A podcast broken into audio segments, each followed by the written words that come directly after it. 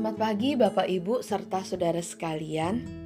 Salam sehat, salam sejahtera bagi setiap kita. Hari ini renungan kita didasari pada pembacaan Amsal 2 ayat 1 sampai ayat 22. Mari kita berdoa. Kami bersyukur untuk kehidupan yang masih Tuhan karuniakan kepada kami. Kami bersyukur juga untuk firman Tuhan yang masih bisa kami baca dan kami renungkan tiap-tiap hari.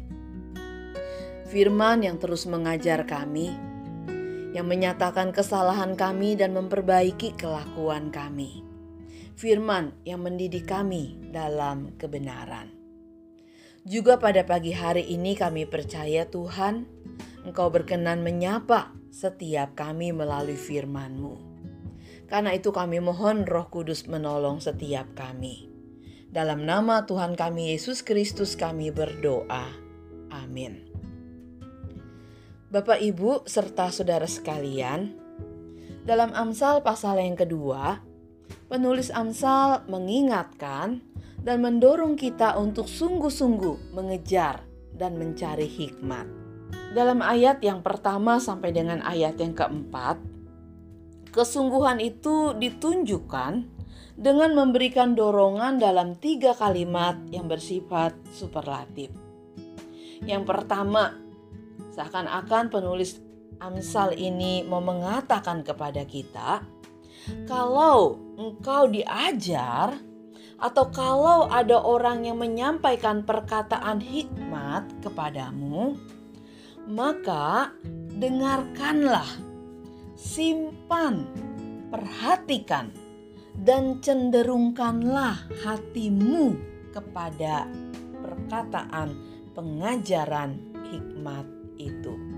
Ini kedua dikatakan, kalau tidak ada yang mengajarkan atau memperkatakan perkataan hikmat, maka berserulah memanggil dan tujukanlah suaramu Berteriaklah memanggil hikmat dan pengertian supaya ia datang kepadamu.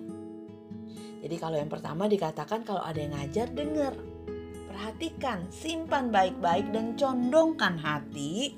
Maka bagian yang kedua dikatakan kalau tidak ada yang mengajar, maka berserulah, berteriaklah, minta orang mengajar minta hikmat datang kepadamu. Dan kalau sampai itu pun tidak ada, maka dalam kalimat dorongan yang ketiga dikatakan, "Carilah seperti engkau mencari perak. Kejarlah seperti engkau mengejar harta yang berharga, harta yang terpendam, yang tersembunyi ya. Upayakan. Nah Bapak Ibu saya menyebutnya tiga kalimat yang superlatif oleh karena apa? Ada tingkatannya di sana. Kalau dalam bagian yang pertama dikatakan dengar, simpan, perhatikan dan condongkan hatimu. Kitanya masih diem, pasif. Nah, tapi kemudian di bagian yang kedua dikatakan di sana berseru, berteriak ya. Tujukanlah suaramu katanya ya supaya apa? Hikmat datang kepadamu. Bagian yang ketiga bukan cuma ngomong bukan cuma dengar tapi kemudian ada tindakan yang lebih dari itu. Kejar artinya apa? Lari gitu kan? Kejar. Cari cari dengan sungguh-sungguh. Bahkan seperti engkau mencari harta. Ada sesuatu yang harus digali, ada tenaga yang harus dikeluarkan. Penulis kitab Amsal ini sungguh-sungguh mendorong kita untuk mencari hikmat. Apa sih pentingnya hikmat? Maka di sini ada dua hal yang mendasar yang dikatakan oleh penulis Amsal ini. Yang pertama, dikatakan bahwa kalau kita punya hikmat, kita akan dapat pengertian bagaimana kita harus hidup di hadapan Allah. Kenal Tuhan, takut akan Tuhan. Oleh karena apa? Apa kaitannya Tuhan dengan hikmat? Maka kata penulis Amsal ini bilang, Tuhan adalah sumber segala hikmat. Ketika kita mencari hikmat, maka kita akan menemukan Tuhan yang akan berbicara, yang akan berkata-kata, yang akan mengajar kepada kita tentang hikmat dan kebenarannya. Maka Bapak Ibu serta saudara sekalian, kalau kita memperoleh hikmat, kita memperoleh pengenalan akan Tuhan. Dan itu penting banget untuk hidup kita. Karena hidup kita yang sementara, yang fana, penuh dengan kerapuhan ini, suatu hari nanti akan berakhir. Dan hidup ini harus kita pertanggungjawabkan kepada Tuhan.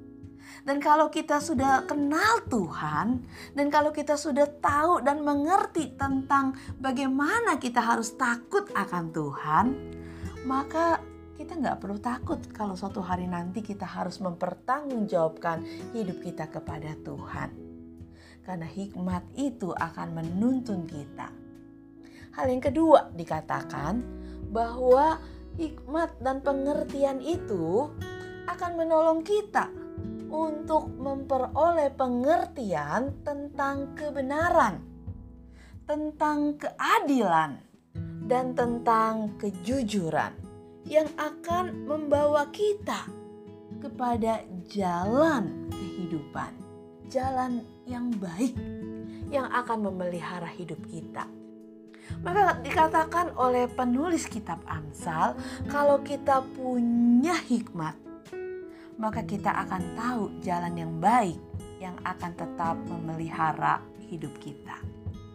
Kita akan mengerti kebenaran, keadilan, kejujuran Nah, Bapak Ibu, sampai hari ini Tuhan masih terus mengajar kita hikmat dan pengertiannya. Dia bisa berbicara melalui firman-Nya yang tertulis.